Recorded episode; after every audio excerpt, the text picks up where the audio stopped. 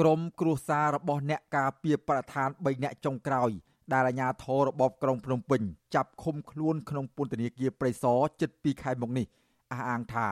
ពួកគាត់មិនទាន់បានជួបសួរសុខទុក្ខគ្នាដោយផ្ទាល់ឬតាមប្រព័ន្ធទូរស័ព្ទនោះទេពួកគាត់បានត្រឹមតែផ្ញើប្រាក់កាសថ្នាំសង្កូវនិងម្ហូបអាហារខ្លះៗតាមរយៈមន្ត្រីពន្ធនាគារប៉ុណ្ណោះ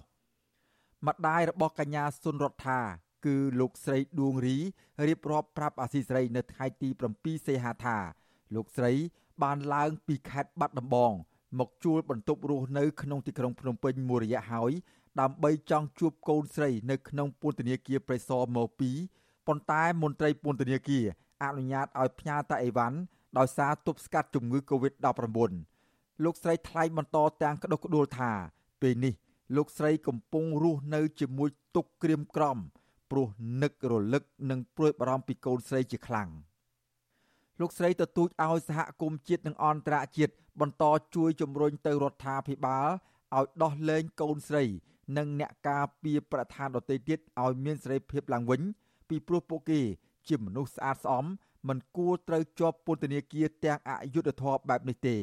ដំណឹងអីគ្មានដឹងគ្មានឮអីចឹងតោះបន្តិចសំបានឃើញមុខកូនក៏ទូរស័ព្ទសំឡេងកូនអត់ឃើញឮសំឡេងក៏វិញអត់ចិត្តដែរអត់មានឮសំឡេងអីមិនតិចឲ្យវិញបារម្ភបើសំបីអង្គុយអង្គុយនឹកឃើញមិនថានឹកឃើញឃើញរបស់កូនប្រើក៏អួរដើមកដែរមួយ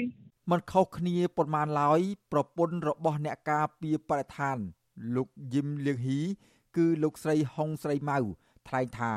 លោកស្រី មិនដែលបានជួបសួរសុខទុក្ខប្តីនោះទេ បានតែផ្ញើអីវ៉ាន់និងលុយកាក់ប៉ុណ្ណោះលោកស្រីកំពុងបារម្ភអំពីសុខភាពរបស់ប្តីជាខ្លាំងព្រោះមេធាវីប្រាប់ថាគាត់កើតរមាស់លោកស្រីបន្តថាចាប់តាំងពីប្តីជាប់ពន្ធនាគារមក គ្រួសាររបស់លោកស្រីជួបការលំបាកផ្នែកជីវភាព និងបញ្ហាផ្លូវចិត្តជាខ្លាំងជាពិសេសលោកស្រីខ្លោចផ្សានៅពេលកូនប្រុសអាយុជាង2ឆ្នាំកន្លះ តែងតែស្រែកយំរកប៉ារបស់គេស្ទើររៀងរាល់ថ្ងៃ ជាមួយគ្នានេះដែរម្ដាយរបស់យុវជនលីច័ន្ទតារាវុធថ្លែងថា លោកស្រីតែងតែយកម្ហូបអាហារថ្នាំពេទ្យនិងលុយកាក់ផ្ញើឲ្យកូនជារៀងរាល់សប្តាហ៍ប៉ុន្តែលោកស្រីសោកស្ដាយដែលមន្ត្រីពុទ្ធនាគារមិនអនុញ្ញាតឲ្យជួបសួរសុខទុក្ខគ្នាដោយផ្ទាល់ឬតាមទូរស័ព្ទឡើយលោកស្រីត្អូញត្អែថាគ្រួសាររបស់លោកស្រី កំពុងជួបបញ្ហាសេដ្ឋកិច្ចគ្រួសារធ្ងន់ធ្ងរព្រោះបាត់បង់ប្រាក់ចំណូលដោយសារវិបត្តិជំងឺ Covid-19 ផង និងត្រូវចំណាយសម្រាប់កូននៅក្នុងពន្ធនាគារផង។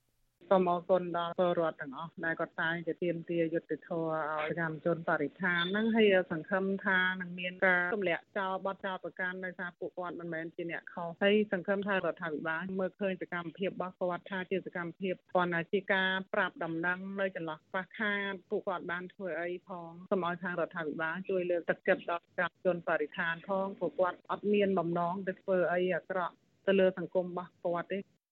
អាញាធររបបលហ៊ុនសែនបានចាប់ខ្លួនសកម្មជនបរិស្ថាន3នាក់នៃចលនាមេដាធម្មជាតិរួមមានកញ្ញាសុនរដ្ឋាលោកយឹមលៀងហ៊ីយុវជនលីច័ន្ទតារាវុធកាលពីថ្ងៃទី16មិថុនាដោយសារសកម្មភាពការពារបរិស្ថានរបស់ពួកគេតុលាការបានចោទប្រកាន់កញ្ញាសុនរដ្ឋានិងលោកយឹមលៀងហ៊ីចំនួន2បទល្មើសគឺបទប្រមាថព្រះមហាក្សត្រនិងរួមគំនិតក្បត់ រីឯយុវជនលីច័ន្ទតារាវុធតុលាការចោទប្រកាន់តែមួយបទល្មើសទេ គឺបទរួមគំនិតក្បត់ហើយបញ្ជូនពួកគាត់ទៅឃុំខ្លួននៅក្នុងពន្ធនាគារព្រៃសរកាលពីប្រលប់ថ្ងៃទី21ខែមិថុនាក្រុមគ្រួសាររបស់អ្នកការពារបរិស្ថានទាំង3នាក់ឲ្យដឹងថាពួកគាត់ទទួលបានដំណឹងពីមេធាវីដែលចូលសួរសុខទុក្ខកូនក្តីកាលពីពេលថ្មីៗនេះថាអ្នកទាំង3នាក់នោះ នៅតែមានស្មារតីនិងកម្លាំងកាយរឹងមាំដដែលប៉ុន្តែពួកគាត់បានឆ្លងរមាស់នៅក្នុងបន្ទប់ឃុំឃាំងពួកគាត់ស្នើសុំឲ្យអាជ្ញាធរពន្ធនាគាររៀបចំប្រព័ន្ធទូរស័ព្ទសម្រាប់ឲ្យពួកគាត់តាក់ទងសួរសុខទុក្ខគ្នាទៅវិញទៅមកជុំវិញរឿងនេះអ្នកនាំពាក្យអគ្គនាយកដ្ឋានពន្ធនាគារនៃក្រសួងមហាផ្ទៃលោកនុតសាវណ្ណាអះអាងថា សកម្មជនបរិស្ថានទាំងអស់ដែលកំពុងជាប់ឃុំ មានសុខភាពល្អធម្មតាហើយអ្នកឆ្លងជំងឺ Covid-19 នៅក្នុងពន្ធនាគារព្រៃសរនោះលោកថាក៏ជាសះស្បើយស្ទើរតែទាំងស្រុងអស់ដែរក៏ប៉ុន្តែលោកបានបញ្ជាក់ថាអាញាធរពន្ធនាគារកំពុងបារម្ភពីការវាយលុកដោយមេរោគកូវីដបំលែងខ្លួនថ្មី ចំពោះការស្នើសុំឲ្យរៀបចំប្រព័ន្ធទូរស័ព្ទវិញនោះលោកនុតសាវណ្ណាបញ្ជាក់ថារដ្ឋមន្ត្រីក្រសួងមហាផ្ទៃលោកសខេងសម្រេចអនុញ្ញាតរួចហើយ ប៉ុន្តែលោកនៅមិនទាន់ដឹងថាពេលណាអាចដំណើរការបាននោះទេព្រោះពាក់ព័ន្ធនឹងបញ្ហាបច្ចេកទេសរបស់ក្រុមហ៊ុន។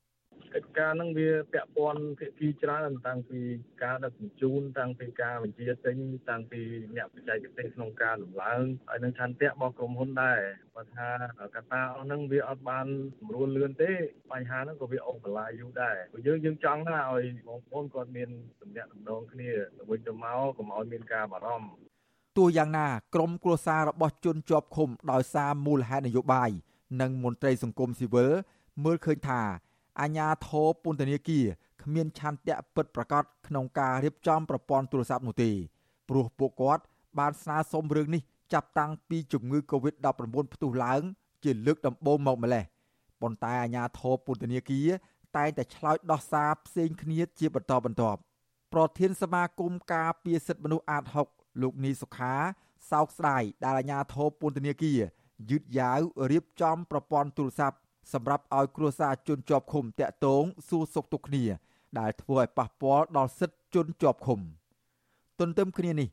លោកសោកស្ដាយដែលតុលាការបន្តឃុំខ្លួនបណ្ដោះអាសន្នលើយុវជនបរិស្ថានទាំងនេះក្រោមបទចោទប្រកាន់ដ៏ធ្ងន់ធ្ងរខណៈដែលពួកគាត់បានចូលរួមចំណែកធ្វើកិច្ចការងារបម្រើផលប្រយោជន៍សាធារណៈជាច្រើន។ កម្មភាពទាំងអស់ហ្នឹងគឺជាសកម្មភាពមួយដែលវាអត់មានកំហុសអីទៅខាងផ្លូវច្បាប់ទៅតែសោះហើយយើងទៅចាប់គាត់យកមកដាក់ពន្ធនាគារនេះវាជារឿងមួយអយុត្តិធម៌សម្រាប់រូបគាត់ទី1ទី2គឺវាធ្វើឲ្យស្មារតីរបស់យុវជនដែលមានការស្រឡាញ់ទៅលើបរិស្ថានចង់ការពារបរិស្ថានចង់ការពារអីហ្នឹងវាអាចធ្វើឲ្យមានការភ័យខ្លាចអានេះវាជារឿងមួយដែលខាតប្រយោជន៍ទៅដល់សង្គមជាតិយើងអញ្ចឹងហើយបានយើងកន្លងមកចេះតែទៀមទាឲ្យរដ្ឋាភិបាលពិសេសគឺតុលាការនឹងធ្វើការទម្លាក់ចោលហើយនឹងដោះលែងយុវជនទាំងអស់នឹងដោយមានសេរីភាពមកវិញមកទល់ពេលនេះមានយុវជនបរិស្ថានចំនួន6នាក់នៃចលនាមេដាធម្មជាតិកំពុងជាប់ឃុំក្នុងពន្ធនាគារព្រៃសរក្រមអង្គការជាតិនិងអន្តរជាតិរួមទាំងក្រមប្រទេសប្រជាធិបតេយ្យធំធំ បានចេញសេចក្តីថ្លែងការណ៍ថ្កោលទោសករណីនេះជាបន្តបន្ទាប់ព្រមទាំងទាមទារឲ្យរបបលោកហ៊ុនសែនទម្លាក់ចោលបទចោទនិងដោះលែងអ្នកទាំងនោះឲ្យមានសេរីភាពមកវិញ ព្រោះសកម្មភាពការពីបរិស្ថាន មិនមែនជាបទល្មើសនោះទេខ្ញុំបាទសេកបណ្ឌិត អាស៊ីសេរីពីរដ្ឋធានី Washington